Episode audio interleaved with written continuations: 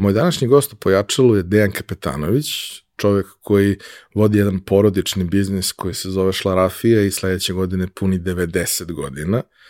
I nismo imali takve priče do sada u Pojačalu, mislim da iz ove može mnogo da se nauči kako je on ovaj, nasledio biznis od svog dede, kako se zaljubio u jedan zanat koji je vrlo težak i zahtevan, ali na kraju dana i pravi proizvode koji, koji ljudima menjaju život na bolje, jer na nečemu provedemo jednu trećinu svog života i vrlo je važno da to na čemu spavamo i gde se oporavljamo od, od, od svakodnevnog uh, stresa i svega bude najkvalitetnije moguće.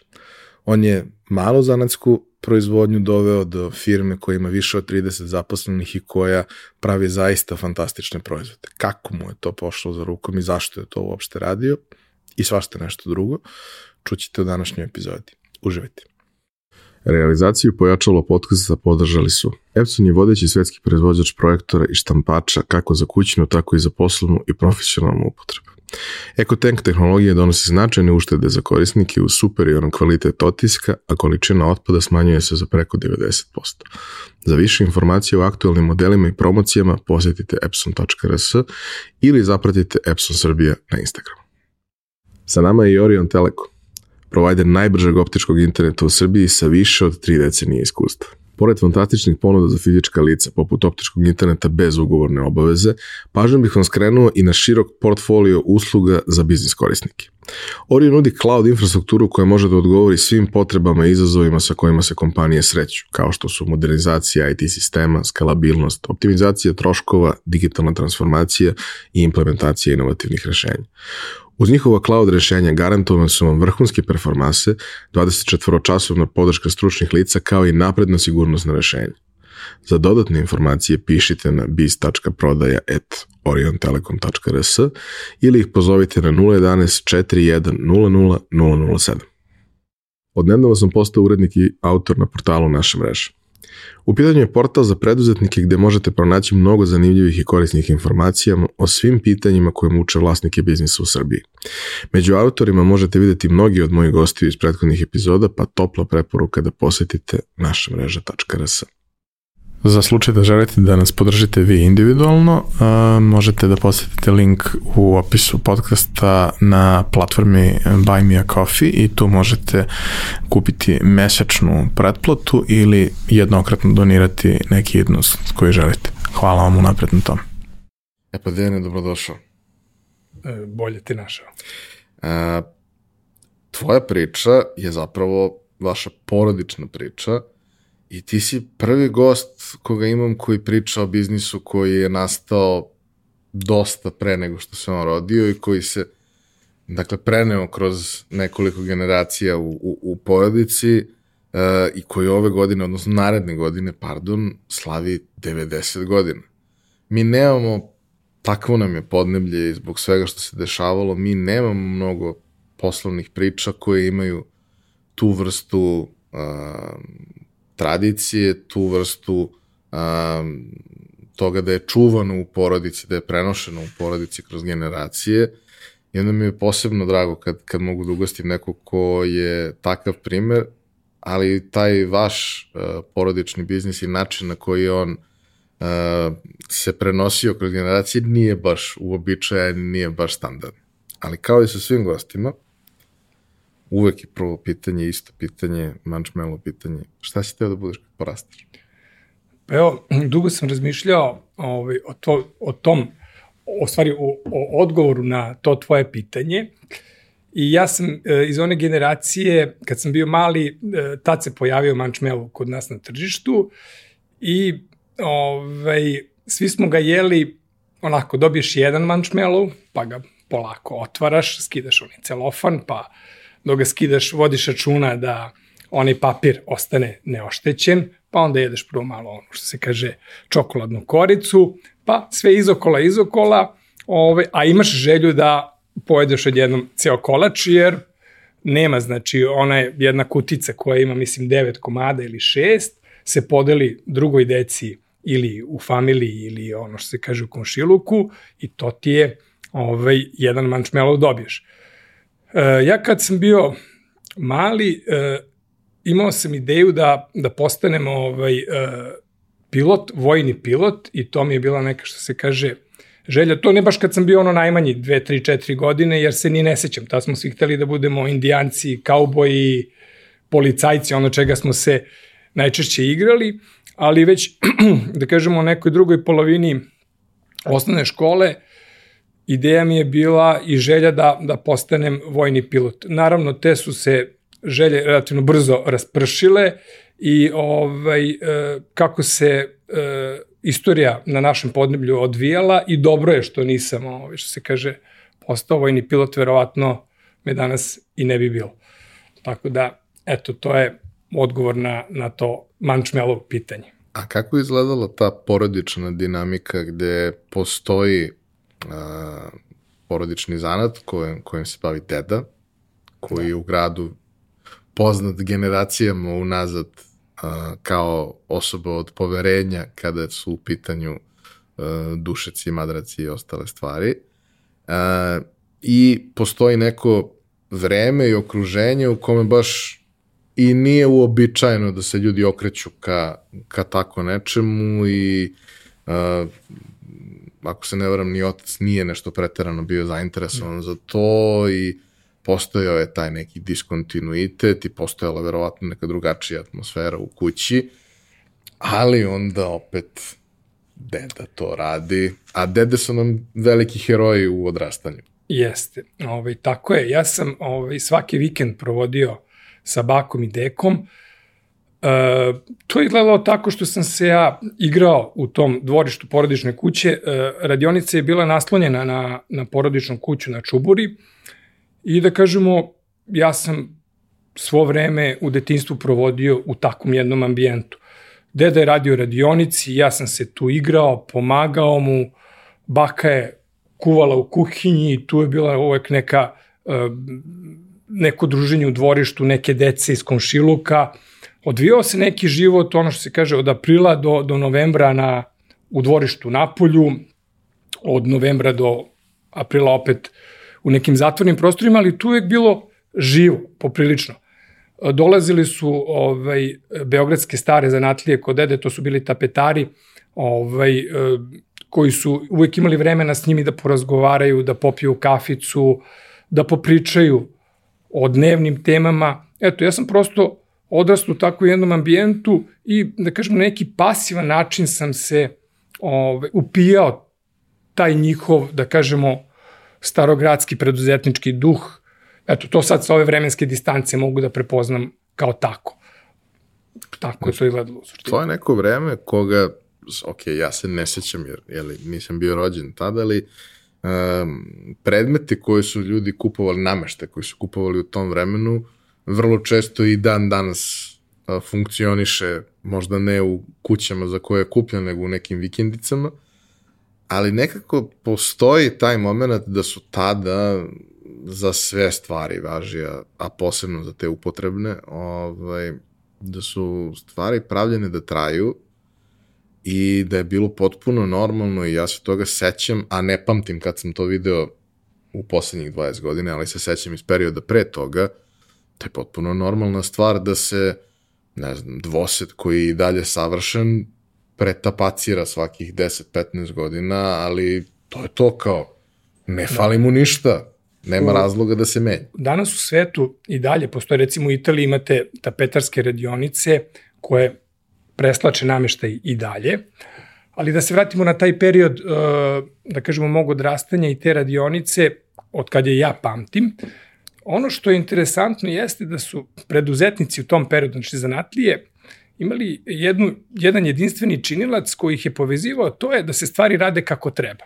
Znači, uh, uh, komad nameštaja se ne restaurira i ne pretapacira da bi bio što jeftiniji, da biste prošli što jeftinije, nego se to radi onako kako treba, da bi to trajalo, da bi imalo svoju funkciju, da bi bilo i lepo, ovaj, i to onda, kao rezultat toga, postoji neka cena. Ali ta cena nije bila prioritet. I ono što sam ja naučio od dede i, da kažemo, uh, tih preduzetnika koji su, konkretno tapetara koji su dolazili kod njega, naučio sam kako se posao radi. Posao treba da se radi kako treba i to je ono što se kaže bila glavna misija i vizija njihovog postojanja.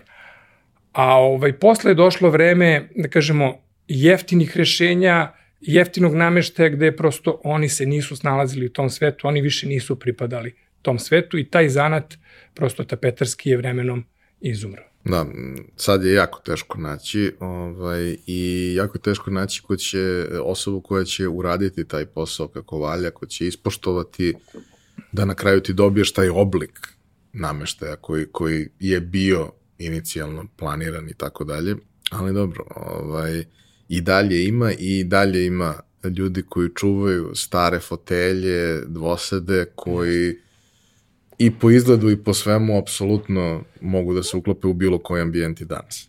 Ja mogu da vam, evo, ja mogu da ilustrujem kako je to izgledalo kad recimo gospođa koja treba da se pretapacira neka fotelja ili trosed, ovaj, dođe kod mog dede ili kod nekog tapetara iz te plejade i kaže, pa jao, znate, to je preskupo rešenje, to eno tamo ima da se kupi mnogo jeftinije, novo i tako dalje i tako dalje. Sad i oni mišnjavaju da to nema jedno s drugim nikakve veze.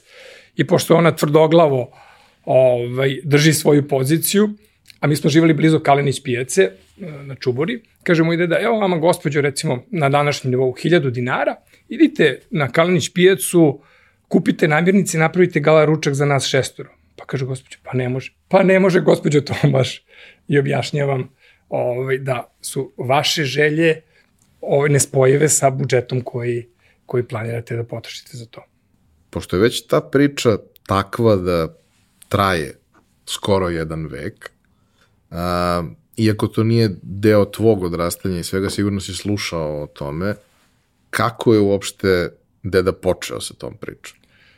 E, deda je počeo sa tom pričom Znači, e, šlarafija, da se vratimo korak malo nazad, e, šlarafija je bila tehnologija kojom se proizvodilo žičano jezgro u Nemačkoj tih 30. godina. I to je bila revolucionarna tehnologija ovaj, koja se tek, tek tada pojavila. Deda kao pitomac ovaj, e, trgo, Trgovačke akademije iz Beograda je poslat na sajam u Leipzig, gde je video tu novu tehnologiju, znači tad su sajmovi izgledali, da kažemo, dosta jednostavnije nego danas, ovaj, na štandovima je, su bili majstori koji su to na tezgama radili i prikazivali kako se radi. Ovaj, I on je to tamo video, učestvovao je obučenje za to nekoliko dana, ovaj, e, snimio je mašinu kako izgleda, precrtao je i došao, vratio se nazad u Beograd sa svojim kumom na čuburi su oni napravili tu mašinu i počeli da rade šlarafija jezgro na, na čubori. I od tada postoji šlarafija na čubori u raznim, da kažemo, formatima, ali postoji i na čuburi u toj radionici se već, eto, da kažemo, sledeće godine, 90. godina, kako se ovaj, odvijaju određeni proizvodni procesi, nije stavljen ključ u bravu ukupno 90 godina. Ako bi mogao da nam pojasniš malo šta je to što je specifično kod tog načina da. pletenja, pravljenja jezgra. Da. Ovaj, pa evo kako je to, to ta tehnologija više e, nije prisutna na tržištu, jer je prosto e, pres, prespora i e, preskupa za izradu. Prevaziđena je pre nekih 30 i 5-6 godina, ali dotle je bila neprikosnovena. Znači, e, to jezgro se e, e pravilo tako kao što se plete džemper, ajde tako da ilustrujem. Ovaj, I to je, da kažemo, radno intenzivna tehnologija gde je jedan majstor, jedan čovek ovaj, utroši mnogo vremena da napravi jedno žičano jezgro za, da kažemo, da li to trosed, dvosed, dušek, krevet, za bilo šta. On je baš, e, da kažemo, jako široku primenu ovaj, u tržištu nameštaja. Dobro, i e, kad je deda krenuo sa tim, kako je to izgledalo pretpostavljam da ljudi baš nisu sjajno reagovali na novotariju. E, jeste, ovaj, e, e, brzo iza toga kako je on krenuo, e, Srbija, odnosno Beograd se tad i razvio, bio je varošica, znači to je praktično pre, pre 90 godina i pred početak drugog svetskog rata. I ovaj, postoje jedan ovde, da kažemo, privredni zamajac i to je, ovaj, to je imalo svoju publiku i, i kupovalo se, što se kaže, ovaj, koristilo se. E, relativno brzo iza toga je počeo drugi svetski rat i tad radionica nije živela, nije postojala, deda je učestvovao u ratu, bio je ranjen na Sremskom frontu i da kažemo taj period je prošao kao i svi što znamo što smo učili ovaj, e, to su ratne godine i prosto drugačije sve to izgledalo. Ovaj, posle rata je radionica počela ponovo da radi, e, radila je kao, da kažemo, mala zanatska radionica i e, e, nicale su opet tapetarske radionice, te tapetarske radionice su se, se razvijele, dosta po Srbiji je bilo, da kažemo, radionica koje su do današnjeg vremena prerasle možda čak da kažemo i, i, i porodične, porodične kompanije. Tako da sve te tapetare iz Beograda i Srbije je moj deda poznavao, snabdevao i eto to je da kažemo ta jedna mala radionica na Čuburi je bila poznata i širom Srbije. Doći ćemo do pitanja za tebe, ali jedna stvar koju bih volao, ako, ako znaš, ako si pričao sa dedom o tome, e, i sam si rekao da je to bilo prilično teško, intenzivno, da, da je sam posao bio prilično zahtevan. Jeste. A zašto nije zabrao nešto lakše? Pa, e, moj, e, da kažemo, e, pogled iz uh, ove vremenske perspektive uh, daje jedan vrlo jednostavan odgovor, a to je zato što on nije podržavao prečicu u životu. Znači, prečica kao reč u našoj kući bila je zabranjena da se, da se koristi. Znači, postao je, da kažemo, i on je, ta generacija je vaspitana u tom duhu šegrt kalfa majstor. Znači, da bi ti postao majstor, moraš da stekneš određena znanja, da ta znanja praktikuješ, da ta znanja praktikovana onda prerastu u veštinu i onda možda sutra postaneš majstor. Možda. Znači, ne postane svako majstor. Ali to nije razlog da se u taj proces ne uđe. I prosto, to je generacija koja ništa nije bilo teško. Ovaj, u poređenju sa, sa, današnjom, sa današnjom generacijom ajde da se vratimo sad malo više na tebe, pa ćemo da. se vraćati napred nazad da. kroz istoriju, kroz, kroz tvoju priču. Uh, kada si shvatio da nećeš biti vojni pilot, da. šta si hteo da radiš u životu? Pa, e, ja sam tad, e, e, i tada sam svoje, da kažemo, ovaj, slobodno vreme, uglavnom vikende i vreme posle škole provodio družeći se naravno sa, uh, sa, sa decom iz komšiluka, ali da kažemo, uh, uh, polje igranja nam je bilo to dvorište. Znači, tu smo provodili uh, vreme ja sam praktično provodio pra, sve vreme pored radionice ili u radionicu. Uvek šta, kad mi je šta trebalo, popravim bicikl, ja uđem u radionicu, uzmem pa popravim, deda me učio kako se popravlja bicikl, pa sam ja onda popravljao bicikle i drugoj deci u dvorištu. Ovaj, e, nisam imao jasnu ideju ovaj, šta bih bio. U srednju školu sam, u srednju školu sam išao u, u Nikolo Teslu, to je, da kažemo, srednja elektrotehnička škola. Ovaj, e, I imao sam ideju da studiram elektrotehniku. To je načelno bila ideja, ali nisam sebe nikad video u tom polju profesionalno, iskreno rečeno. Ovaj, igrom slučaja sam e, završio agroekonomiju i po završetku studija, spletom nekih nesretnih okolnosti u porodici, ovaj, sam počeo odmah da radim u, u, šla, u šlarafi, praktično u našoj porodičnoj radionici. Deda se razboleo, otac se razboleo, ovaj, i to su neke bile okolnosti gde prosto nijemo ko da radi u radionici, a bilo je potrebno izdržavati porodicu, to uopšte nije bilo ni upitno, nego se zavrnu rukavi i radi se po ceo dan. Tako je to izgledalo. Tako da, taj neki svoj, uh, uh, uh, da kažemo, profesionalni film nisam nikad razvio od početka do kraja, što bi se reklo onako kako sam ja sebe zamišljao i, i, i video u nekoj, u nekoj budućnosti. Eto. Dobro, ali to se dešava zapravo u ono neko najgore vreme. Mislim, najgore vreme koje mi pamtimo. Verovatno je bilo neko gore pre da. toga, ali ga se mi da. ne sećamo. I to je onaj period kada je, čini mi se, obesmišljeno i obezvređeno jako puno stvari, a ti pokušavaš da radiš nešto što je teško, naporno i zato što je teško, naporno i kvalitetno ima neku vrednost, ali malo verovatno ne baš tako jednostavno objasniti ljudima tako šta je. je to i zašto to vredi toliko i zašto to treba da bude njihov izbor.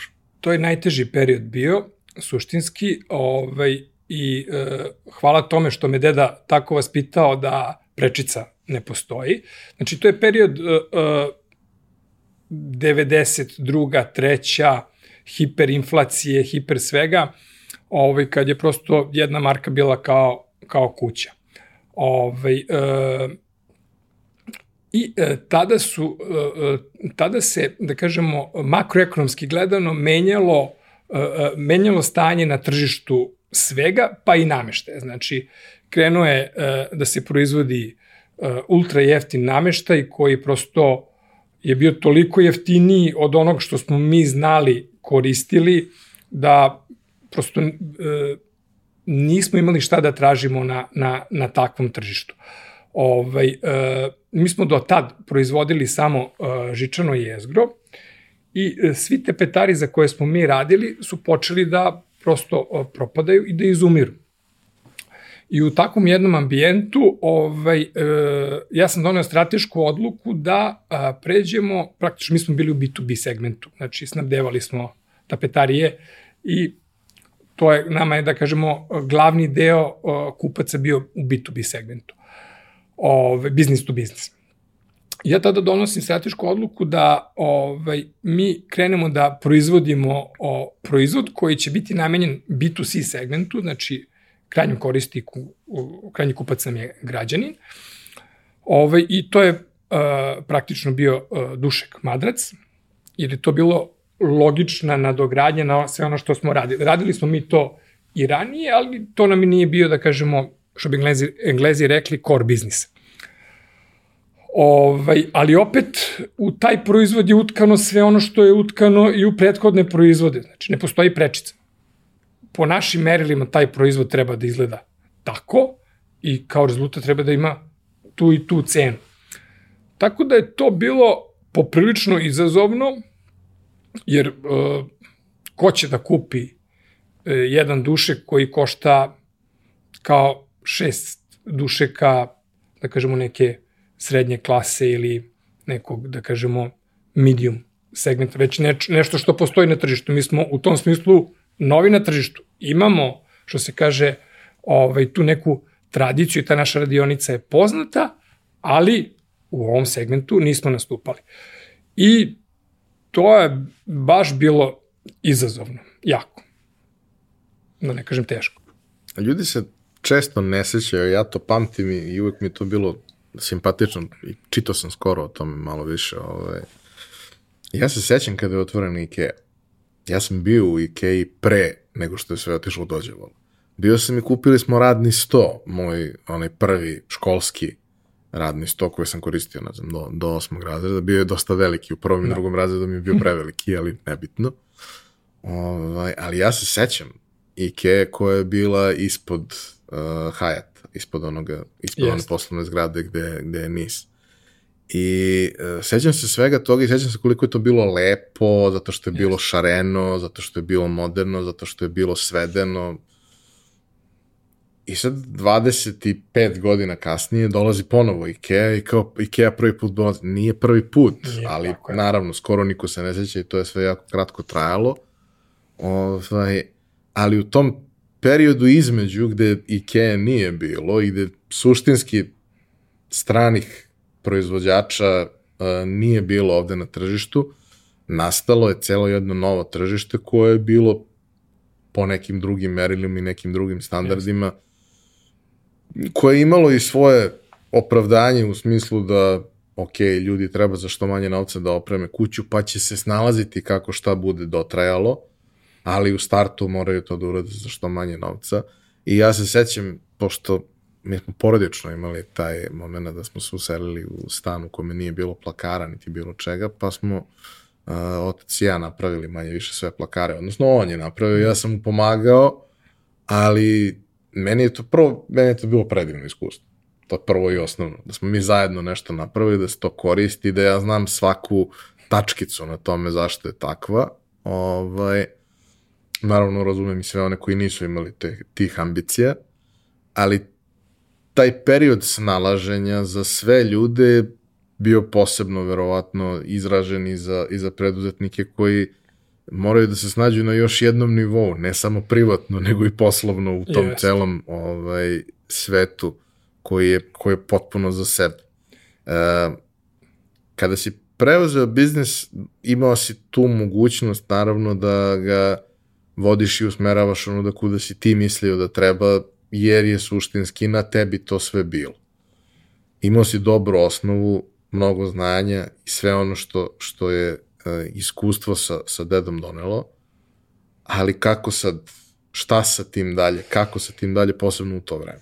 Pa, evo ovako, ovaj, e, razvojni put, da kažemo, svakog takvog malog biznisa, pa i mog, e, e, odlikovale su, da kažemo, sledeće stvari. E, znači, ja sam počeo sam da radim u radionici i e, za tu svoju ideju koju sam imao, ovaj, e, ja sam, da kažemo, e, e, našao e, pomoć od strane onih najbližih koji, s kojima sam odrastao ceo život.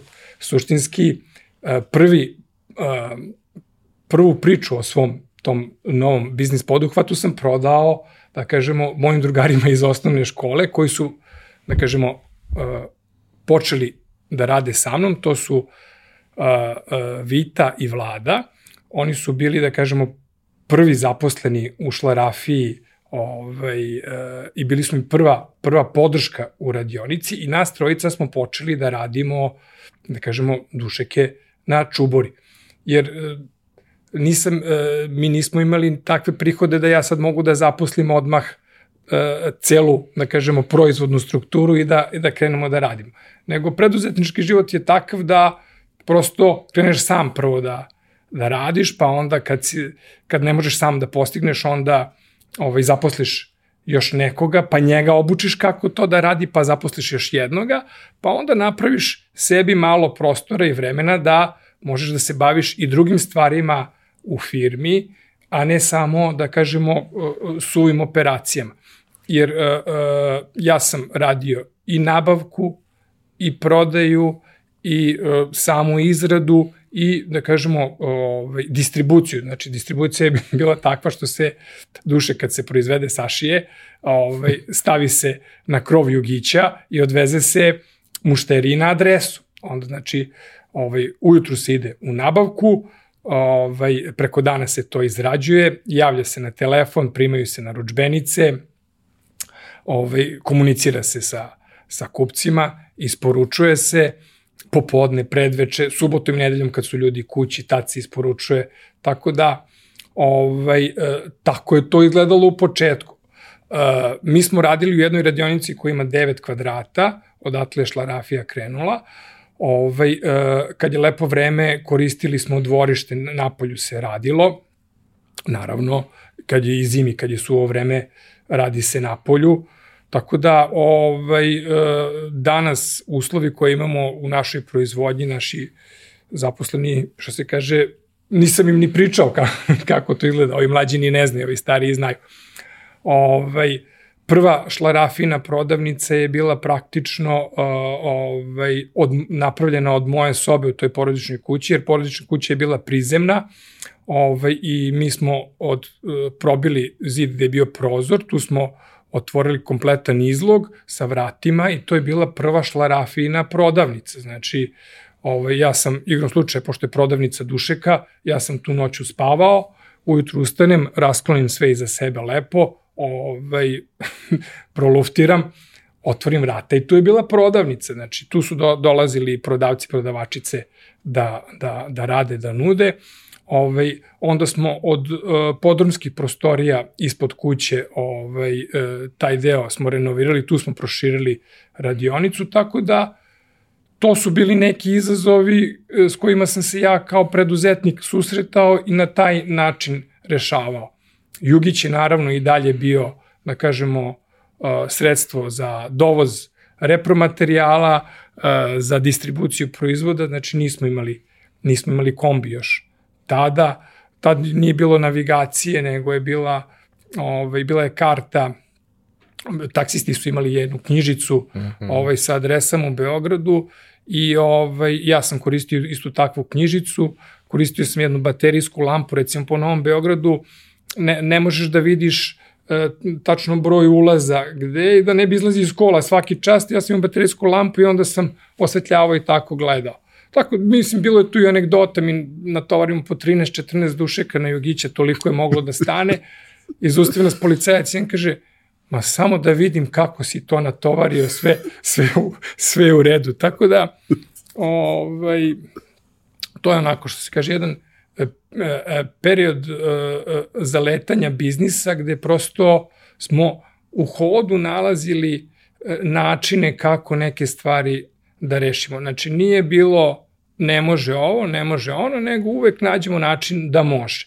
I što se kaže, ovaj, nije to uvek izgledalo reprezentativno i onako što bi se reklo kako danas izgleda, ali prosto u razvoju firme mora da se prođe ta faza ovaj, kako je mnogi zovu faza zaljubljivanja u biznis, gde sam ja prosto ovaj, tu svoju ideju uh, uh, uh, satkanu u, u tom proizvodu prodavao ne samo građanima, nego i svojim novozaposlenima. Znači, ovaj, tu je bio izazov kako proširiti prodajnu mrežu. Nismo mi imali novca, sad ulazimo u zakupe sa e, novih prostora, pa smo prosto nudili franšizu za ovaj, da kažemo, naše, za, za taj naš biznis i opet je to bila, da kažemo, e, e, faza gde sam ja opet tu svoju priču na neki način prodavao dalje novim franšizantima. Na taj način smo recimo proširili uh, maloprodajnu mrežu i to je dobar način kad nemaš novca i kapitala da, da sam otvoriš svoje prodavnice. Da, da se podsjetimo, to je period kada poslovne banke još su nisu postojale ili su stidljivo se pojavljivale i imale su, da kažemo, neku kreditnu politiku koja uopšte nije bila, da kažemo, po meri i cipela jednog uh, preduzetnika, malo preduzetnika u, u, u tom periodu.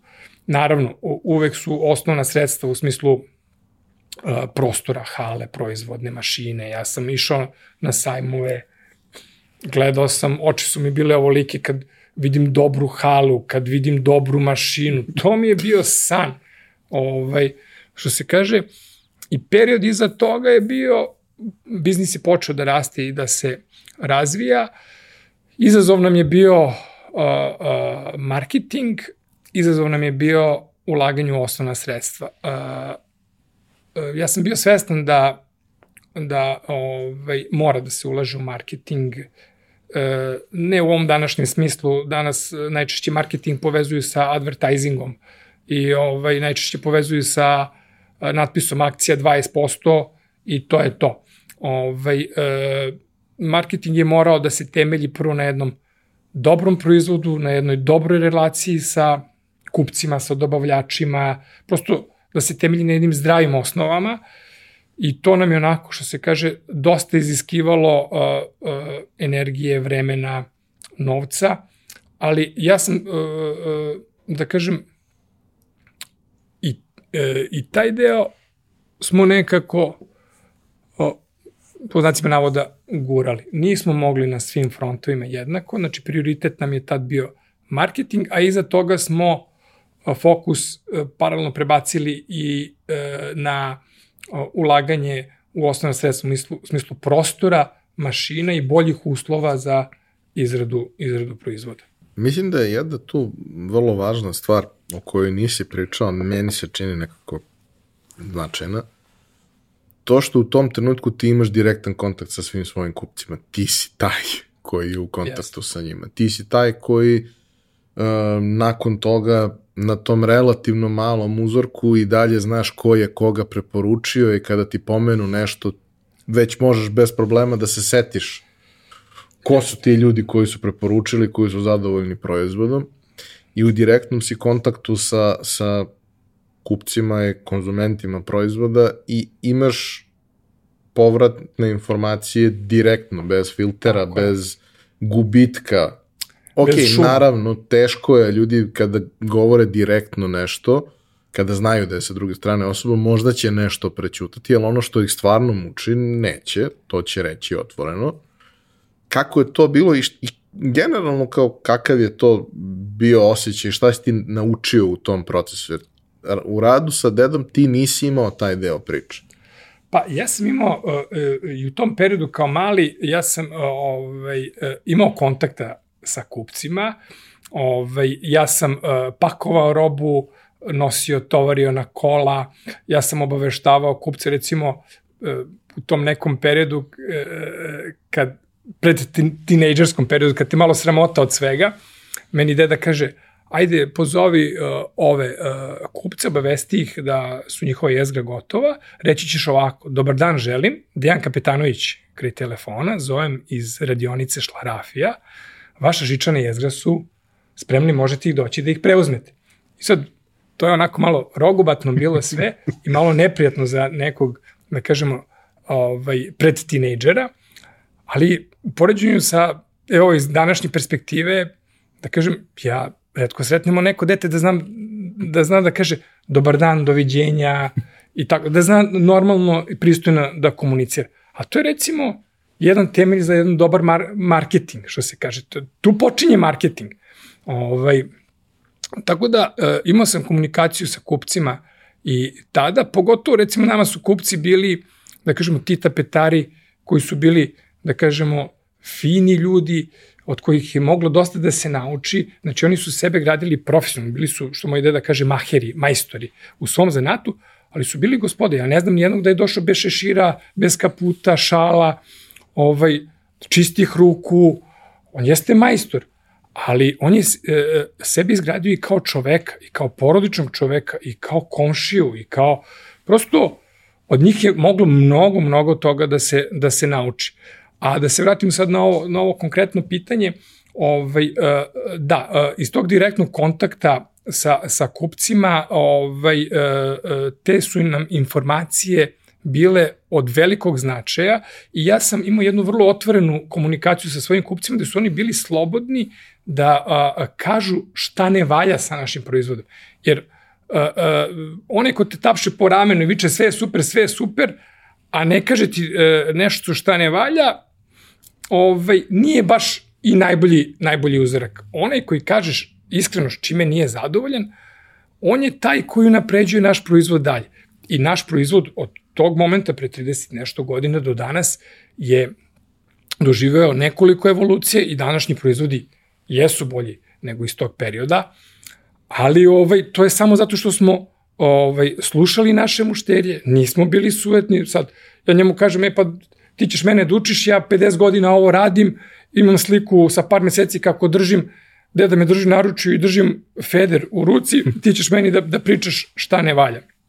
Ovaj, ta, taj nadmen stav nije dobar ni, ni, ni, ni u jednoj sferi života, naročito u poslu, treba slušati kupce, osluškivati, jer to je nešto što čini moj proizvod i mene, da kažemo, boljim. I suštinski to je, to je jedan način učenja. Neko to prihvati, neko ne prihvati, ali ovaj, mi smo činjenica dosta veća firma sad nego ranije. Ali imamo taj kontakt. Naše prodavačice koje rade preko 20 godina kod nas, ovaj, imaju već svoje kupci i slušaju i mi imamo taj, da kažemo, vrlo brz link od toga kad nešto ne valja ovaj, do toga da, da, da, to, da to otklonimo i da to iznedri neko novo rešenje. Ovaj... Imate jedan problem sa proizvodom koji, koji pravite, koji je ovaj, takav da koliko god da vi imate iskustva, kogod da dođe kaže, ali ja, ne znam, imam 35 godina i imam 35 godina iskustva u ležanju ili da. u spavanju ili u bilo čemu. I ja znam šta meni prija, iako vrlo često to što prija nije dobro za nas i tako dalje, ali biranje dušeka je pakao. Ako ne znaš šta ti treba i nemaš neko usmerenje i probaš deset različitih stvari, šansa da ubodeš nešto što je stvarno dobro za tebe i nešto što, što ti prija je jako mala. Kako ste se vi borili sa tim? Zato što, ono, e, ako imate proizvode, ono, jedna veličina odgovara svima, ne odgovara nikom.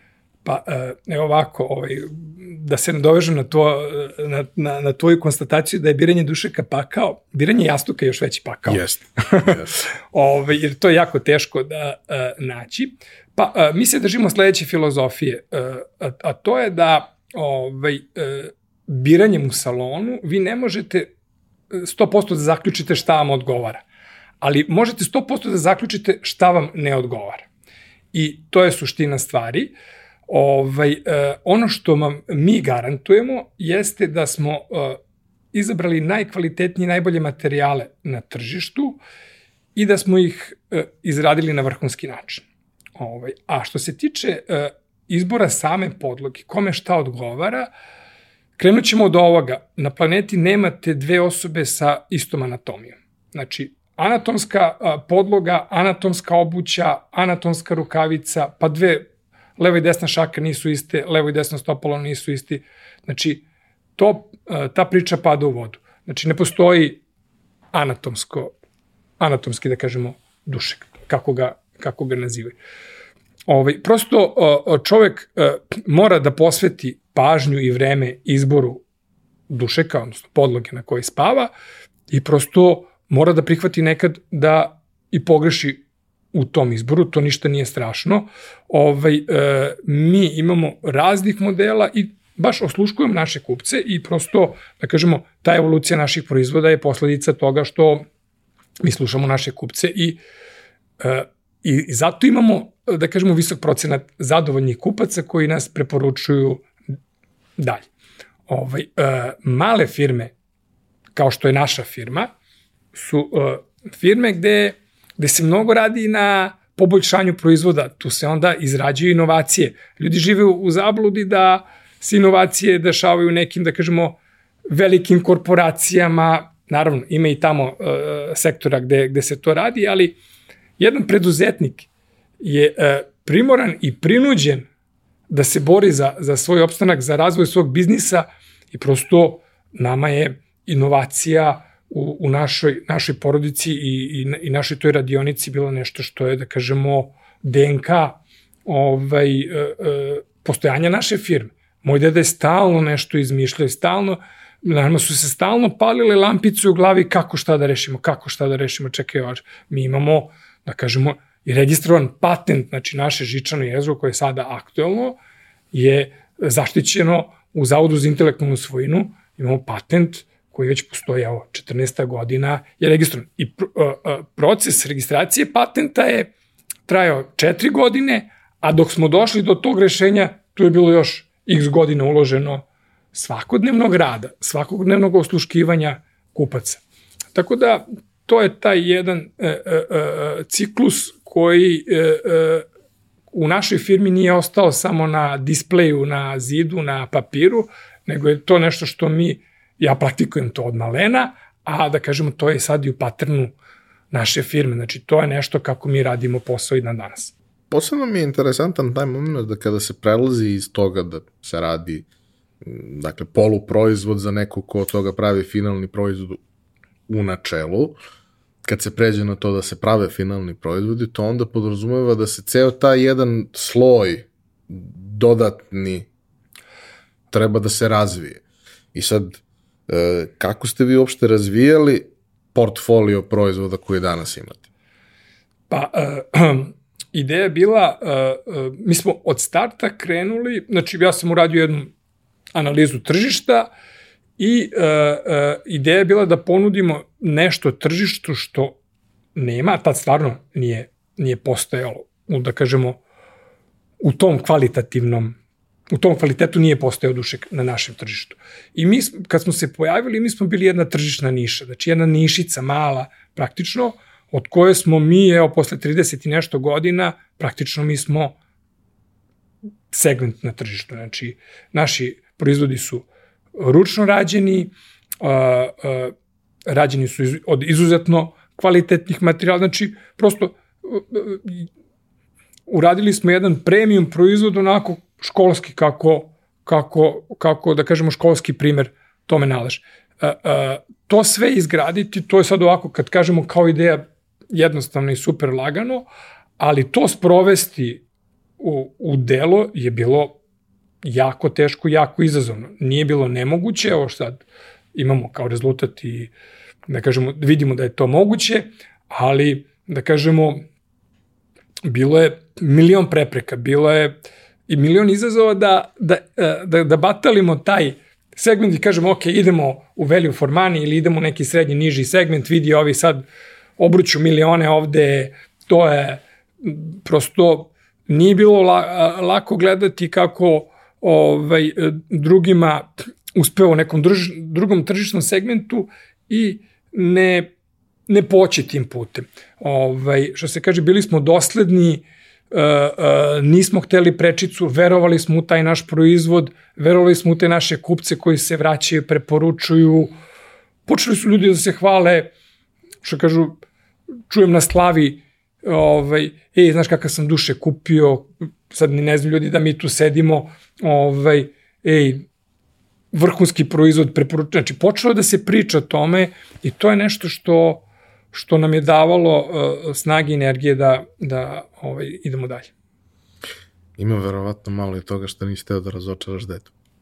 Pa po najviše toga, da, po najviše toga, ovaj, šta bi deda rekao, da. Tako da, pa ja nikad sebe nisam ovaj, uh, uh, doživljavao kao vlasnika firme, ja sam sad samo na čelu, u ovom momentu sam i dalje na čelu porodične kompanije, ja imam svoj mandat da to napravim bolje. Znači, firma nije moja, firma je porodična. I tako se obhodim prema njoj. E, novac firme je e, firmin, nije moj. Ja što se kaže, imam neke svoje prihode iz te firme, ali ovaj, i e, prosto tako sam vaspitan.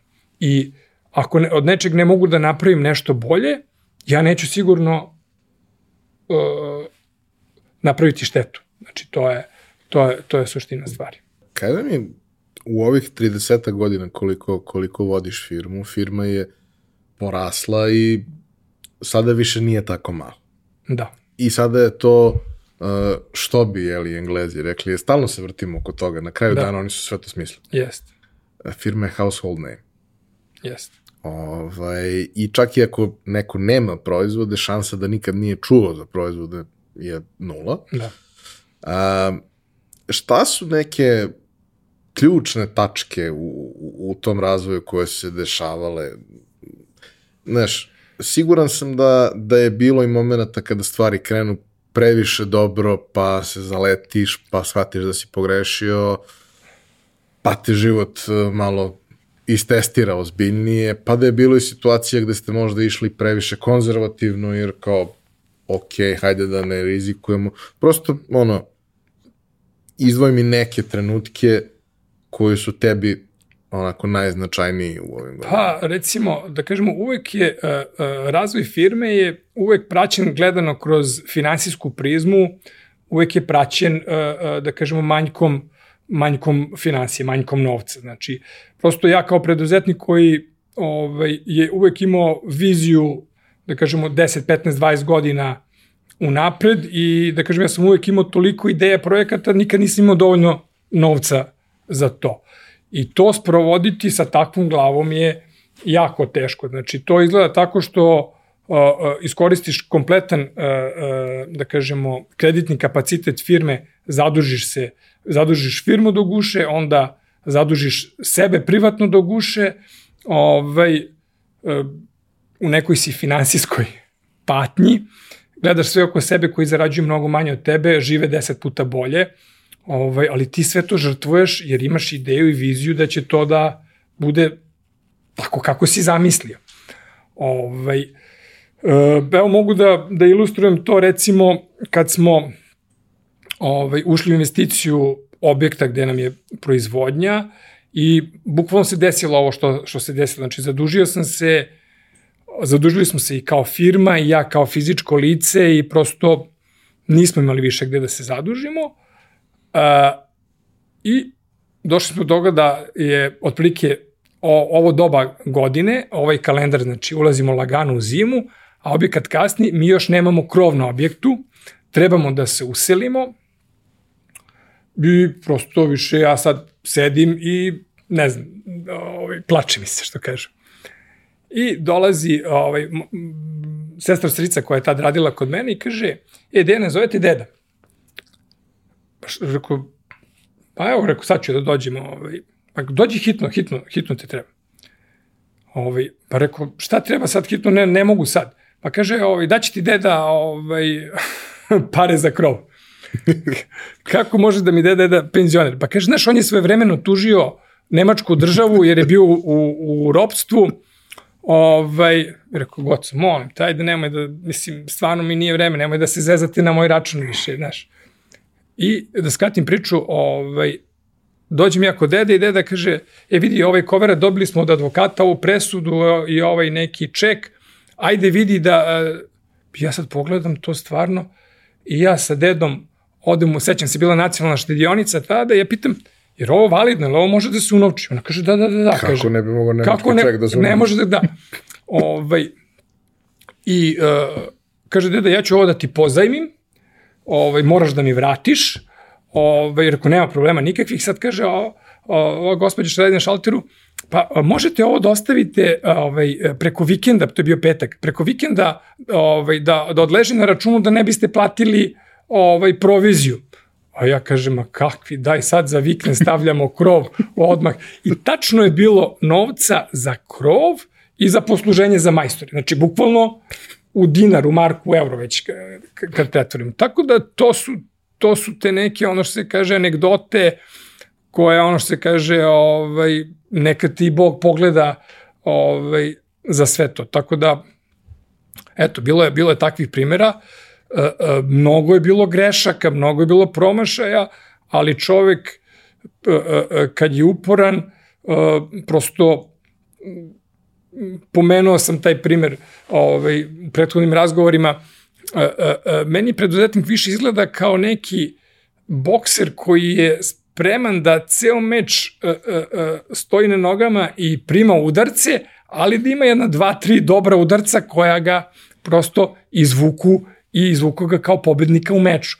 Tako, ja sebe vidim kao, kao, kao takvog nekog preduzetnika, ovaj, e, nisam nikakav ono što se kaže nadprosečan superman, prosto sam bio samo dosledan nekoj svojoj ideji i bio sam spreman da trpim i udarce, čak i, da kažemo, te preduzetničke batine, ali eto, posle 30 godina sve to izađe, izađe na dobro. Da, i ono što si, što si rekao isto u, razgovoru pre nego što počeli da snimamo, um, 10% godišnje ili 15% godišnje na 30 godina napravi veliku razliku. Jeste. Ja sad, kad razgovaram tako sa mladim ljudima koji ulazu u preduzetništvo i koji bi za dve godine da sednu u Mercedesa i da imaju sve, da kažemo, statusne simbole hollywoodske, i kažem, ne može. Pa kako ne može? Pa rekao, ne može, ali evo sad ću ti objasnim kako može. Znači, onda mu uzmem ovako, razvučem jednu skalu na 30 godina i kažem, ajde sad uzmi Digitron i sad ajde kažem, u prvoj godini ćeš imati taj promet i množi to puta 1,2, puta 1,3, pu, posle množiš sa puta 1,1 i posle 30 iteracija koji rezultat dobiš? Au, kaže, pa je rekao, vidi, posle 30 godina ćeš imati, ne znam, 50 godina i imaćeš para i za kuću, i za Mercedes, i za dva, tri letovanja, i za dva, tri zimo, imaćeš prosto i finansijski ćeš moći da namiriš se svoje aspiracije. Ali ono što ti ne vidiš, ne vidiš da kroz tih 30 godina ti sebe možeš da izgradiš kao čoveka. Možeš da postaneš nešto. Znači, time što ćeš da nešto radiš, da se edukuješ, pa onda to što si negde čuo, video, naučio, kreneš da praktikuješ, onda to postane veština. Ja sam u svojoj firmi radio na svim pozicijama, znači od uh, uh, proizvodnje jezgara, garniranje jezgara, šivenje navlaka, pakovanje, razvoz, Pa kako sad jedan da, naš vozač recimo sad sedne u topao klimatizovani kombi, ima GPS, uh, on ima mnogo bolje uslove nego što sam ja imao. I to je, hvala Bogu, tako, to je rezultat našeg celog rada.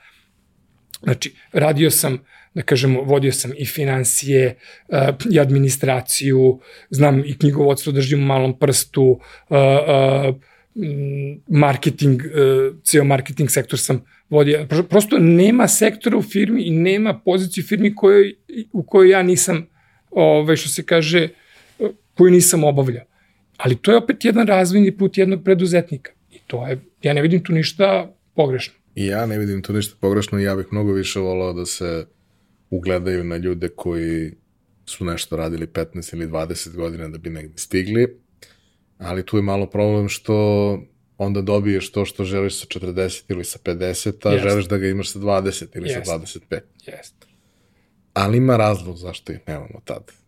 Jeste, naravno. Ovaj, um, neću sad sa narodnim izrakama što je brzo, to je kusa yes. i sve ostalo, ali ne možeš da ceniš to nešto ako nije došlo kao posledica nekog teškog rada. Ako si ga zaradio lako, mnogo drugačije ćeš se odnositi prema tome. Jeste, ali ima i drugi taj moment što uh, ti postepeno ovako stičeš, jer recimo sad neko, nekome koje uh, nije, uh, nije ni radio ni za platu, da mu recimo budžet moje firme.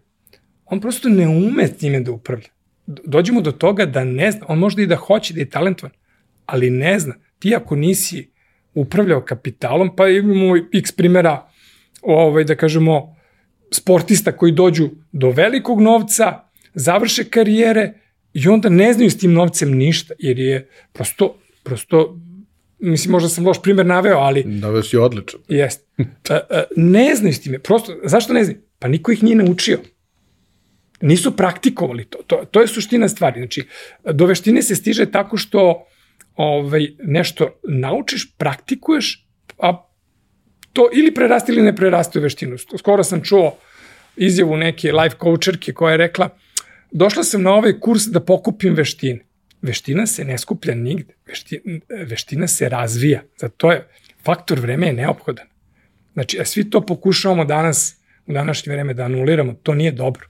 E, I mnogo idealizujemo te ljude koji su možda napravili nekakav novac. Znači, imaš ono, imaš ono intervju, e, mislim da je Jürgen Klopp rekao, kad su ga pitali za mišljenje o COVID-u, kao, ljudi, ja sam futbolski trener. Da. Ja o tome mogu da vam kažem Tako nešto, a i tu ponekad nisam u pravu. Tako je to je onako nekako ovaj, jako veliki problem i čini mi se da ti mladi ljudi koji dođu do nekog velikog kapitala, da najveći problem koji imaju nije u tome da oni ne umeju sa time da se ponašaju, nego da misle da će i sledećeg meseca da dolazi, da će ceo život da. sledećeg meseca da dolazi ono na što si navikao. A u jednom trenutku samo više neće. Da. I treba da od onoga što je akumulirano proživiš ostatak života ili napraviš nešto što će ti omogućiti da to yes. proživiš. Ovaj, e, mislim, imamo x primjera takvih ljudi koji imaju e, oko nas mnogo para, pa e, ne znaju sa time baš da, da, da se ponašaju kako treba. Ja ću da citiram jednog bankara starijeg koga sam imao, sred, imao prilike da onako da se družim s njim, koji mi je rekao kao, Dene, vodi računa, pare su kao napunjen pištolj. To je može da bude jako opasna stvar za nekog ko ne zna s time ruke. Moraš da znaš da rukuješ sa time. To je suština stvari. A mi smo ovde, da kažemo, društvo koje je relativno mlado u kapitalizmu, kod nas je i dalje sramota biti bogat, imati novca, ovaj, nismo naučili još sa, sa time da, da, da funkcionišemo. Ovaj, pa to možemo da sretnemo i, da kažemo, i u ovim drugim sredinama koje su ovaj, doživele tranziciju da kažem, u tom nekom vremenu kad i mi prosto ovaj, ta društva tako izgledaju. Gde je firma stigla danas? Koliko zaposlenih, koji neki obim, objekti, da kažemo, tržišta? Firma je danas stigla, dotle mi smo, a kažem da pomenem i to, znači porodična kompanija, firmom rukovodim, rukovodimo sada supruga i ja, kao da kažemo, predstavnici porodice, ovaj, supruga Sonja mi nesebično pomaže, da kažemo, u vođenju posla. Ona je do pre pet godina uh, radila u zdravstvu, ona je po struci medicinski biohemičar, završila je farmaceutski fakultet uh, uh, i da kažemo, ja nisam ono što se kaže gurao priču u tom pravcu da ona pređe u porodičnu firmu da, da radi sa mnom, to je bila njena odluka, to je prosto sazrelo u njoj i mi sad kao tim uh, uh, vodimo firmu, da kažemo, mi smo na čelu firme, firma je sad strukturirana, ima management, da kažemo, ima sektor marketinga, sektor proizvodnje, sektor prodaje, imamo maloprodajne objekte, da kažemo, uglavnom u Beogradu, u Srbiji smo prisutni u Novom Sadu i Nišu, Imali smo firmu do skoro u Beču, tamo smo nastupali na, na, na austrijskom tržištu samostalno, međutim firmu smo tamo otvorili u oči covid i prosto taj COVID je doveo do toga da celo to tržište nameštaje u Austriji uđe jednu kontrakciju i padne neki 30%, a da kažemo probijati takvo tržište je prosto bilo suludo u svakom pogledu. Tako da, ovaj, prisutni smo, da kažemo, u tržiš, na tržištu e, regiona, e, u Crnoj Gori i Bosni, ovaj, i da kažemo, neke su nam aspiracije da nastupimo na nekom ino tržištu, ali to će pre biti neki bliski istok pre nego zapadna Evropa. Eto, to su nam neke vizije razvoja. Uh, uh, Koliko zaposlenih? E, trenutno 33 zaposlena, ja sam 33. Tako da, da eto, to je... Dobro, to je, to je baš lepo, ovaj, kako od jednog do 33 za da. 30 godina dođe. Polako, ali temeljno. A, šta je sada uh, gama proizvoda koju, koju nudite? Pa nama je, da kažem opet da iskoristim tu englesku reč, e, core business su nam uh, madraci, ali uh, odnosno proširili smo uh, asortimanski to na opremu za spavanje, što podrazumeva kompletan uh, jedan set od uh, uh, kreveta preko dušika do jastuka i organa, to ono sve što, što čini opremu za spavanje. Eto, to je ovaj, uh, ono što je e, novina u skorije vreme jeste taj uh, program Sport and Recovery, koji je namenjen ne samo sportistima, nego da kažemo, da kažem, i građanstvu. A ovaj, u tom, uh, u tom proizvodu imamo još dve inovacije koje nisu šlarafine inovacije, a to je u samu tkaninu je inkorporirana nit u kojoj je ugrađen materijal koji se zove Salient, a koji suštinski već ću to objasniti, to Sonja mnogo bolje ovaj, e, objasni nego ja, pošto je ona medicinske struke, ali šta, e, kakav benefit e, korisnik koji spava ima od takvog proizvoda? Znači, benefit je sledeći, da se nivo kiselnika u krvi podigne tokom sna do 29%. I to je klinički dokazano, znači nije to, o, urađena, je, urađena je studija kod nas na uh, univerzitetu u Beogradu ovaj, i to je laboratorija na farmaceutskom fakultetu i potvrdila. To je znači američki patent i američki proizvod. Ovaj, mi imamo, da kažemo, licencu da ga jedini koristimo na Balkanu, ovaj, ugovor sa Amerikancima, A, da se vratim sad, znači, on ima rezlu, za, za rezultat da podigne nivo kiselnika do 29% u krvi. Šta se time sti, uh, postiže? Postiže se uh, to da uh, mi tokom sna se ne samo odmorimo, nego i regenerišemo. Recimo, sportistima je to jako bitno da ovaj, oni u trening uđu što odmorniji. Znači, nije samo da se naspavao, nego da, da mu performansa tokom treninga bude na jednom dosta visokom nivou. To je prethodnih godina postizano, da kažemo, određenim, određenim načinom ishrane, određenim načinom treninga, ali sada ovaj, se pojavlja i ovaj moment, znači, gde ti tih 8-9 sati koliko spavaš, ne koristiš samo da se odmoriš, nego i da se regenerišeš. Ovaj, to mehanizam je vrlo jednostavan, znači toplotna energija koju emituje naše telo se da kažem, odbija od tih niti koje su inkorporirane u navlaku i a, a, a, pospešuje se ta periferna cirkulacija i da kažemo naše ćelije, od, naše ćelije dobijaju mnogo više hranjivih materija tokom sna. Ove, I to nije neka stva, Selient nije, da kažemo, patent koji se, ga srećemo sad. On je prisutan, recimo, i u sportskoj garderobi. Ali vi, mi sportsku garderobu koristimo sat ili dva dnevno. A ovo koristimo 8 sati, 9 sati tokom tokom dana i da kažemo izloženost naša takvom tretmanu je mnogo veća i efekti toga su mnogo, mnogo veći. Da, to je jedna od inovacija, a druga inovacija je da koristimo penu, lateks penu od kaučukovca, od kaučuka, koja je rađena talala i tehnologijom. Opet inovativna stvar, opet jedna mala firma je iznedrila inovaciju, firma je ovaj, iz Holandije i oni je jedini na globalnom nivou proizvode i dugi su bili pregovori da mi možemo da dobijemo tako vrhunsku premium penu da koristimo u našim dušicima. Tako da, ovaj, e, to su, da kažemo, tri inovacije u tom proizvodu, naše ručno rađeno jezgro, ovaj, e, ta pena talalaj, koja je urađena, to je 100%, 100% prirodan. Znači, jedini 100% prirodan lateks je lateks talalaj koji proizvodi ta mala firma ovaj, iz Holandije. I, da kažemo, treća inovacija je ta Celiant inkorporirano vlakno. Kada pričamo sada o toj gami proizvoda, da se zadržimo na dušicima, pošto da. oni jesu osnovni proizvod. Koliko variacija postoji? pa, postoji uh, dosta variacija, znači praktično uh, tu sa recepturama dušeka možemo da se igramo dosta. Ja sam sklon igranju ovaj, i da kažemo uh,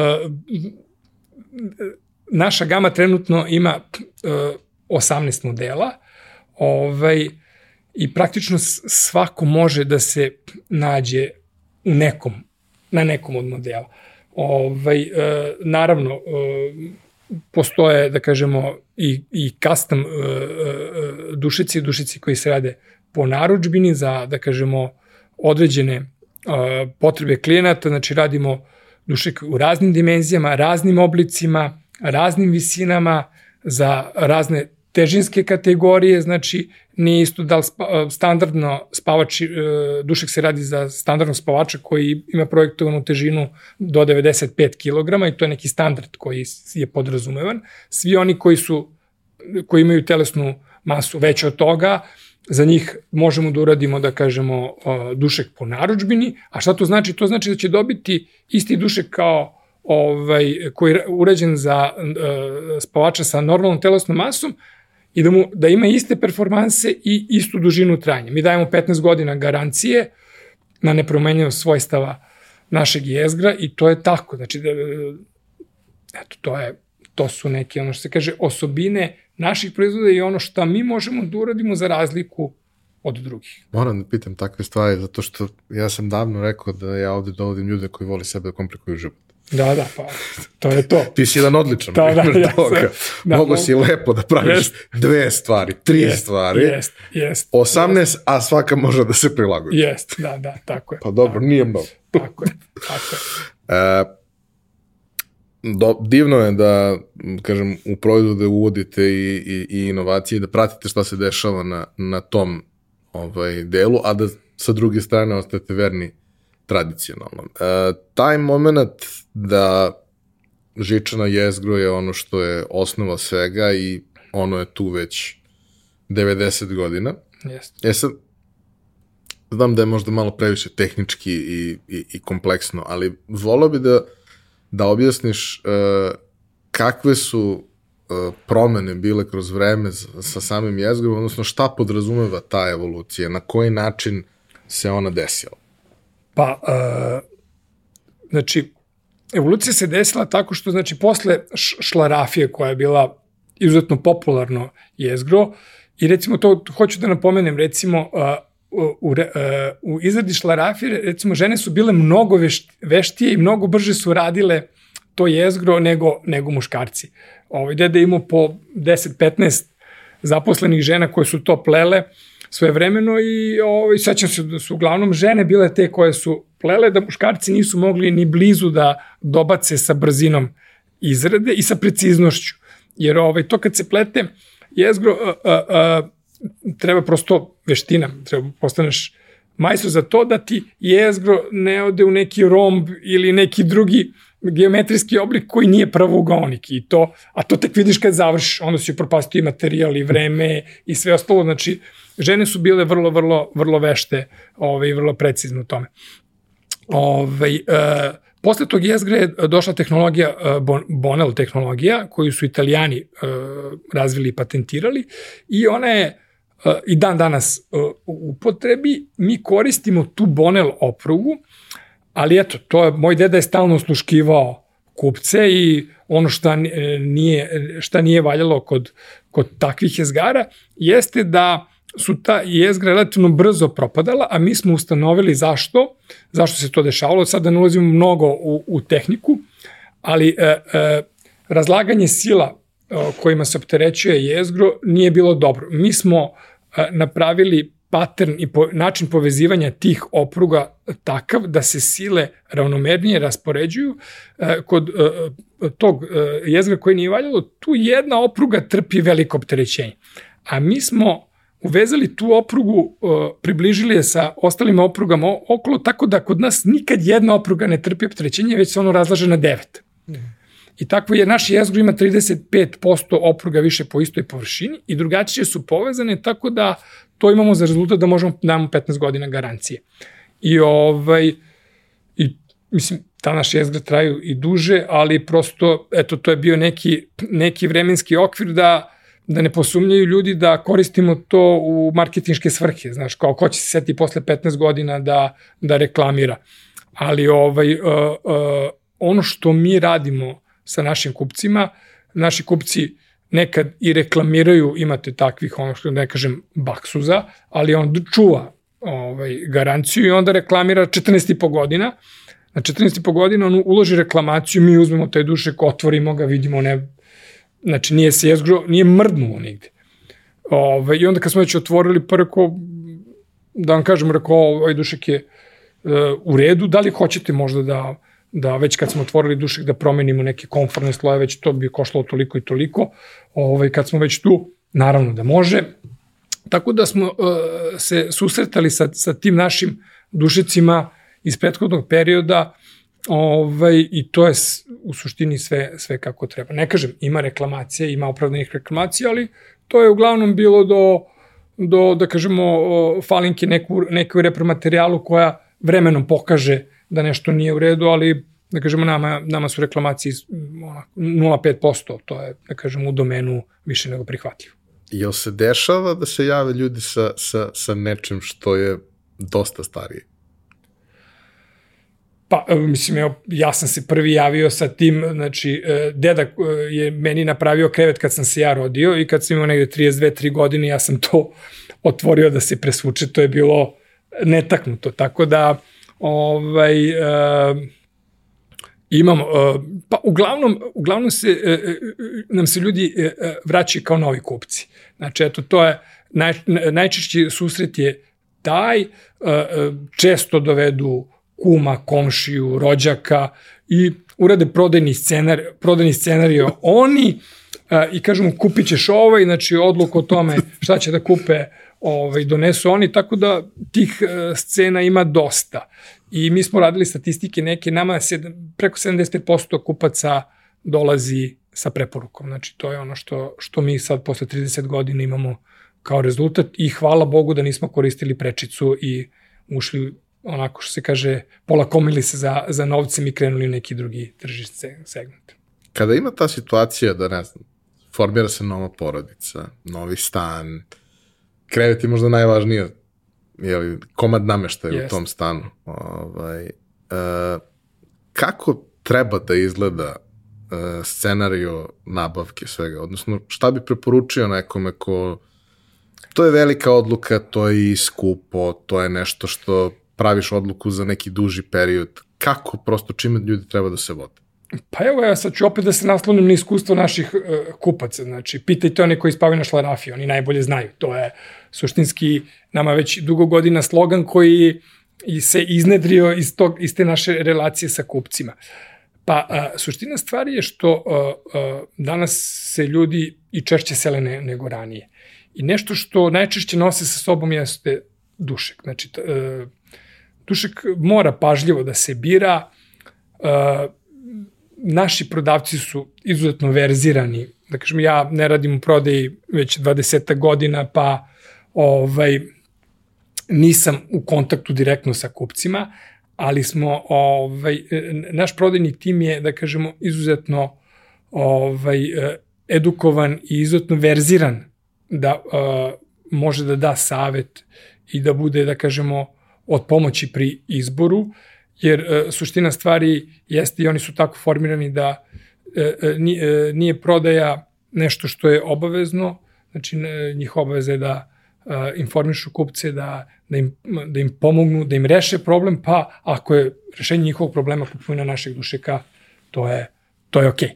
Ovaj, uh, nisam sad direktno odgovorio na, na, na, na tvoje pitanje, ali uh, uh, moraju pažljivo da biraju, uh, vratit ćemo se na početak našeg razgovora, uh, moraju da dođu u salon, da probaju, da vide, da legnu, bar će znati ono šta im ne odgovara. Nek odu i u druge salone, drugih proizvođača, nek legnu, nek probaju, vidjet će šta im za početak ne odgovara. A onda će, da kažemo, od toga što im odgovara izabrati ono uz pomoć naših prodavaca, ono što je naj, najbolje. Ono što hoću da kažem, a, a, naši dušeci imaju inkorporirane najkvalitetnije materijale na tržištu.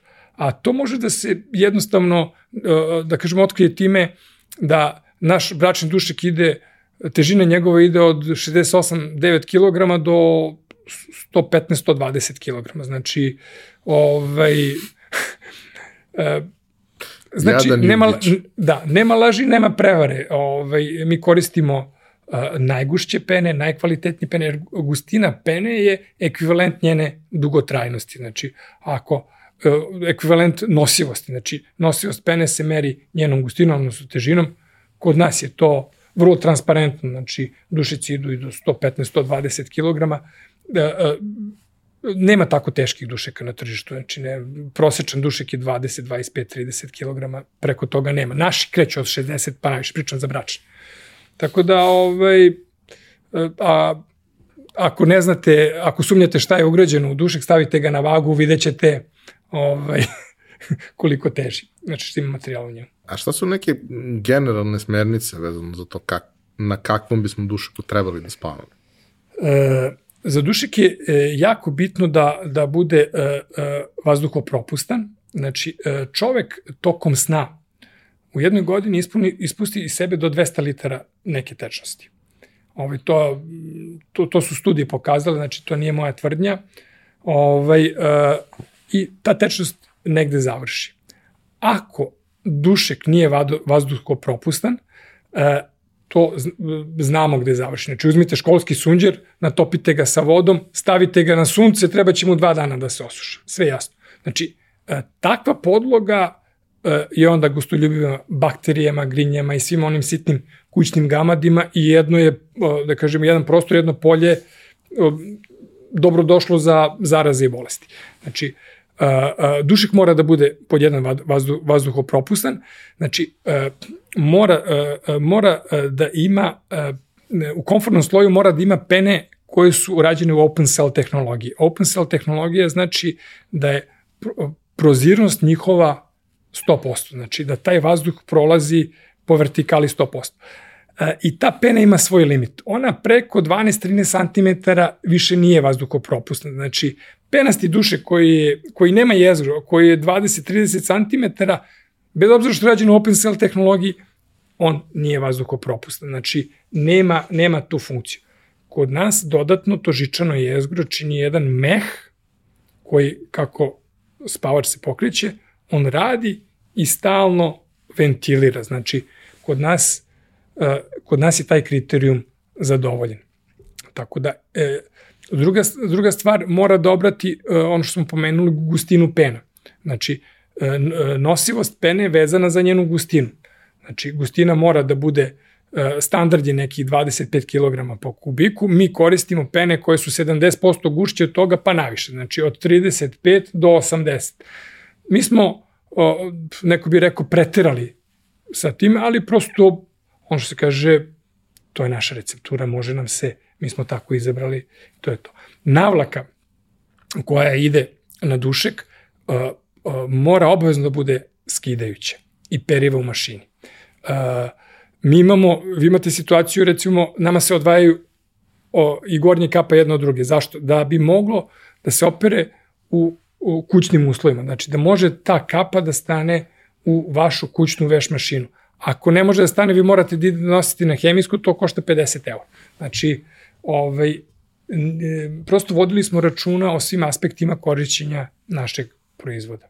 A što se tiče tog e, dela koji se odnosi na zdravlje, kičme, anatomiju i sve ostalo? E, što se toga tiče, znači, e, naši proizvodi zadovoljavaju najviše kriterijume po tom osnovu. E, u, za udobnost ne postoji jedinica mere. E, udobnost je nešto što je krajnje subjektivno.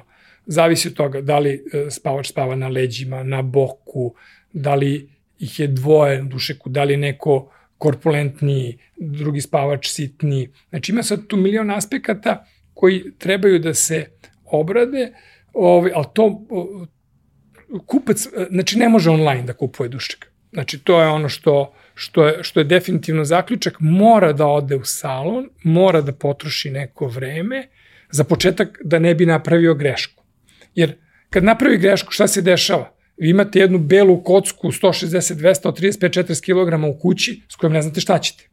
Znači, ne smete da je spustite, ko će da vam pomogne da je spustite dole, pored kontejnera, morate da idete opet da uradite ceo ovaj proces, da potrošite vreme, da posetite neki salon i e, mogu slobodno da kažem da, da su naši prodavci jedni od najverziranijih prodavaca i najobučenijih prodavaca na tržištu dušeka.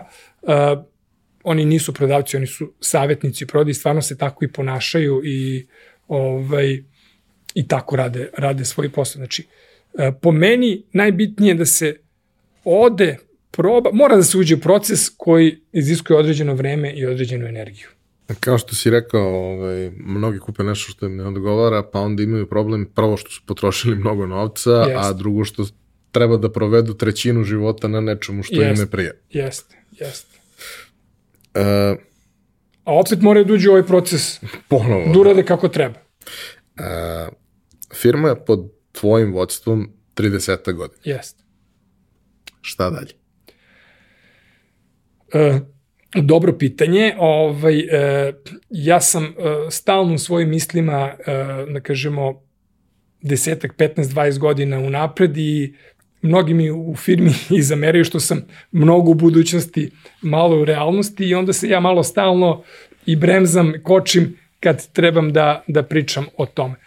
Pa a, definitivno a, a, a, firma raste, a, u organizacijonoj strukturi raste, imamo da kažemo određenih kadrovskih osveženja, promena, koja prosto firma sa ovim obimom posla u ovoj fazi razvoja i zahteva. I da kažemo o, o, o, ove godine smo dosta poradili na toj kadrovskoj e, na kadrovskom strukturiranju same, same firme, ovaj, a u narednom periodu definitivno ovaj, e, Sonja, imamo sad ono što se kaže neki zadatak ispred sebe smo stavili da napravimo uh, uh, petogodišnju strategiju razvoja, ali definitivno je da ćemo, što se uh, asortimana proizvoda i toga tiče, ići, uh, da kažemo, još, još, da kažemo, taj segment ćemo uh, produbljivati na gore, znači, izbacit ćemo vjerojatno još dosta premium, uh, više proizvoda će biti u tom samom premium segmentu, ovaj, da ne kažem i u luxury segment da će nešto, nešto ići, a što se tiče tržišta, definitivno je izlazak van granica zemlje, E, i, i, i da kažemo, pogledi su nam uprti ka Bliskom istoku. Verovatno sledeće godine će biti, da kažemo, pojava na nekom od sajmova Bliskog istoka. Ta tržišta su, da kažemo, ovaj, sad dosta aktuelna, e, dosta, e, naš biznis je vezan za građevinsku industriju. Tamo gde se dosta gradi, prosto, e, da kažemo, u jednoj kući, jednom stanu ima, imate ovaj, minimum četiri, četiri dušeka. Znači, tako da, eto, to je prosta matematika. Ovaj, na Bliskom istoku se dosta gradi, znači, ceo taj region se brzo razvija i verovatno ćemo ovaj, se usuditi da se pojavimo na tom tržištu. Zato vama toliko dobro ide ovde, ja? Zato što se ovde toliko gradi poslednje da, vreme. Da, Šalim se, naravno. Ovaj, uh, ono što, što sam isto hteo da te pitam je ovaj, kako prosto u celoj toj postavci vašoj internoj um, izgleda taj moment da je ipak prošlo 30 godina, ok, ti si sad i dalje u naponu snage i sve to u redu, ali šta je neki plan na duže staze? Da li ti vidiš ovaj, da će biznis ostati uh, porodičan u smislu da će ga i dalje voditi neko iz porodice ili je sada to uh, više ideja da se napravi organizacija koja je samostalno održiva i može da se razvija, pa vodit će ko bude bio izabran za to. E, pa da kažem, to je, ovaj, e, to je, to je tema kojom se, da kažemo, intenzivno bavim. Um, I dosta smo, fo, uh, dosta razmišljamo i supruga i ja o tome ovaj, u kom pravcu će naša, naša porodična kompanija da, da se razvija ovaj, u tom strukturnom, strukturnom smislu. Ovaj, e, mi imamo, e, roditelji smo tri dečaka, prosto, da kažemo, razvoj porodičnih kompanija nije nešto što je, da kažemo, novo u svetu. Novo jeste Samo kod nas. kod nas. Jeste. E, e, postoje, da kažemo, iskustva i znanja ovaj, e, koja govore kako to treba da se ovaj, procesuira i kako time da se upravlja. E, nama je otvoren kompletan horizont, znači od toga da, da, da firmu rukovodi profesionalni management skroz do toga da se neko od naše dece u nekom periodu uključi ili ne uključi u, u firmu. Sve to je dalje otvoreno, pošto su oni, da kažemo, relativno mali. Ovaj, uh, ono što je, što je definitivno da, ovaj, uh, da će na, da kažemo, na, na upravljačkoj poziciji uh, doći do promene, znači ja ću polako da se iz operative povučem. Sonja je sad već, da kažemo, izvršni direktor, ja sam ovaj, uh, GM. Generalni direktor, uh, već od nove godine uh, će Sonja da ovaj, sedne na funkciju uh, generalnog direktora, a ja ću polako da se povlačim iz operative, jer uh, suštinski Sonja je zrela za tu poziciju, ima sve sva znanja i potrebne veštine da može da nastupi na, na tom polju. Naravno, ja sam tu uvek, što se kaže, za sve što treba, imam neko znanje i iskustvo koje treba ovaj, koristiti i ono što se kaže, slu, koje treba da služi firmi u narednom periodu, ali s moje neke druge pozicije. I mislim da je to zdravo i zrelo i mi se polako pripremamo za, da kažemo, za taj korak. I meni se to sve, sve sviđa, iskreno rečeno. Ovaj, e, ja sam odradio, mislim, neka, ne, ružna reč, e, odradio, ja sam, da kažemo, ovaj, uradio je jedan dobar posao za šlarafiju, ja sam zadovoljan svojim 30-godišnjim mandatom. Jeste. I ovaj, e, mislim, i to je normalno, ja sam razmišljao o tom koraku kad ću to da, da uradim. Da li ću to da, da radim sad kad imam 52 godine ili kad budem imao 62 ili 64 godine.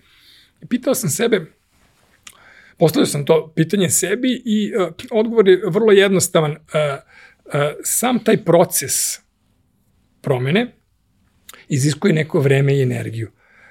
Uh, čovjek sve što je stariji, to mu je bilo šta da sprovede teže, A s druge strane, uh, uh, ja sam 30 godina menadžer i nekako sam se i zasitio tog menadžerskog posla.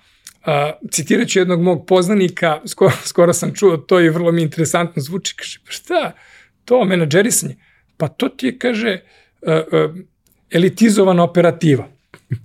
I, ove, I ima mnogo istine u tome, tako da, eto, ovaj, to će se desiti u bliskoj budućnosti, a a, a, petogodišnji razvojni plan, to je nešto čime se sad bavimo, ali da kažemo, okviri tog plana su ovo što sam pomenuo, znači asortimanski ćemo ići, da kažemo, u, u, u te neke više trži, mislim, mi jesmo u premium segmentu, ali ćemo ići još više u tom pogledu, pogotovo što izlazimo na tržišta koja mogu sebi da, da, da takve stvari ovaj, e, priušte i s druge strane e, tu ćemo pokazati ono sve što znamo i umemo. E, baš oko toga sam htio da te pitam za sam kraj. E, obično kod nas, što je jedna od kletvi ovaj, tih mladih kapitalističkih uređenja i mladih preduzetništava, obično ceo know-how i cela inovacija dolazi od onoga ko je pokrenuo biznis, da. a sve ostalo je samo odrađivanje i u najboljem slučaju to odrađivanje može da funkcioniše samostalno u odnosu na Jest. osnivača. Jest. Ali nema mesta inovaciji ukoliko osnivač nije svojim prstima umešan u to, a nekako mi se čini iz tvog puta i toga kako si postavio celu priču, da inicijativa jeste dolazila od tebe, da si ti napravio prve iskorake, ali da više nisi ti taj koji treba da se bavi tim. Pa, um, igrom, da kažemo, sretnih okolnosti, ovaj, imamo Sonju koja ima neizmjernu energiju i volju da gura i ovaj, uh, veliki bi bio problem uh, da nemamo unutar porodice nekoga, da moramo da, da angažujemo, da kažemo, nekog sa strane kog, koje, koga bi uveli u celu priču uh, i prosto koji definitivno ne bi radio sa, sa tim žarom i sa tom željom. Ovaj, tako da mislim da je ovo jedan splet dobrih okolnosti i mislim da, da će Sonja to da, da radi jako dobro. A tehnički se time bavi tim koji je u firmi? Pa, e, e, suštinski, tehnički, e, tehnički se, opet se to dosta naslanja na neko moje znanje i iskustvo. Znači, ja ću biti taj neko ko će prosto 50 godina sam u toj nekoj radionici i, i tako sam ono što se kaže ovaj, odgajan da, je, da uvek nešto mora novo da se, da se, da se iznedri. Ovaj, Sonja isto ima taj drive i svesna je bitnosti inovacije u paternu naše firme. Prosto, prosto i ja ne sumnjam da će, da će, da će ovaj, to da, da ostane u tom duhu i dalje. Koliko je važno učešće na, na, na sajmovima i kroz predstavljanje onoga što, što radiš, ali i kroz uh, obilazak vodećih svetskih sajmova gde prosto možeš da budeš u kontaktu sa tim šta rade firme iz drugih zemalja? Pa, uh, da kažemo, uh, u ovom prvom uh, uh, slučaju, znači gde se mi pojavljujemo kao izlagači, uh, uh, mi nismo imali uh, E, mi nismo imali prilike da se pojavimo na nekom velikom međunarodnom sajmu jer nismo imali budžete za to. Znači, prosto to je nešto što je bilo izvan našeg finansijskog domašaja, negde na nebu. A pojavljivali smo se e, neko vreme na Beogradskom sajmu, ali Beogradski sajam e, nameštaja u suštini jedna velika pijaca nameštaja gde ne dolazi niko bitan, e, da kažemo, iz B2B segmenta ko bi nam otvorio neke nove horizonte, nego prosto uh, proizvođači nameštaja koriste Beogradski sajam da poprave svoju finansijsku krvnu sliku. Uh, da, ima, ima jedan deo sajma koji je zapravo za proizvođače mašina i ostalo, ali on je potpuno izdvojen u odnosu Jeste, na sam ali sajam. da, to je, uh, to je sad opet drugi par rukava. Uh, uh, kao posetilac na sajmove je jako dobro odlaziti i to je moj savet svakom mladom preduzetniku, ne samo da odlazi na sajmove, nego da ima plan E, edukacije i obrazovanja sebe tokom godina. Jer mi imamo ovde jedno, da kažemo, mišljenje koje je skroz pogrešno, a to je završio sam univerzitet, ja sam završio sa obrazovanjem. Ne. Čoveče, ti moraš da tek tad počinješ... Nisi ni počeo. Nisi ni počeo da se obrazuješ. A s druge strane, e, moraš to obrazovanje i da praktikuješ negde.